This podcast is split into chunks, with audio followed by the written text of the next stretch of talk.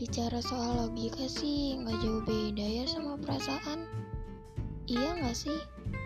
Bedanya cuma ya kalau berpikir secara logika sih apa yang ada di dalam pikiran pasti langsung terucap. Beda sama yang berpikir pakai perasaan.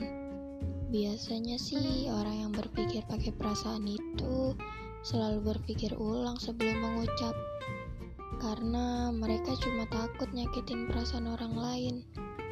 Tapi saya sendiri sering kok berpikir secara logika. Jadi terserah kalian deh mau sebut saya sebagai orang yang keras kepala atau sebagai pembuat podcast yang di tiap episodenya selalu tentang bucin.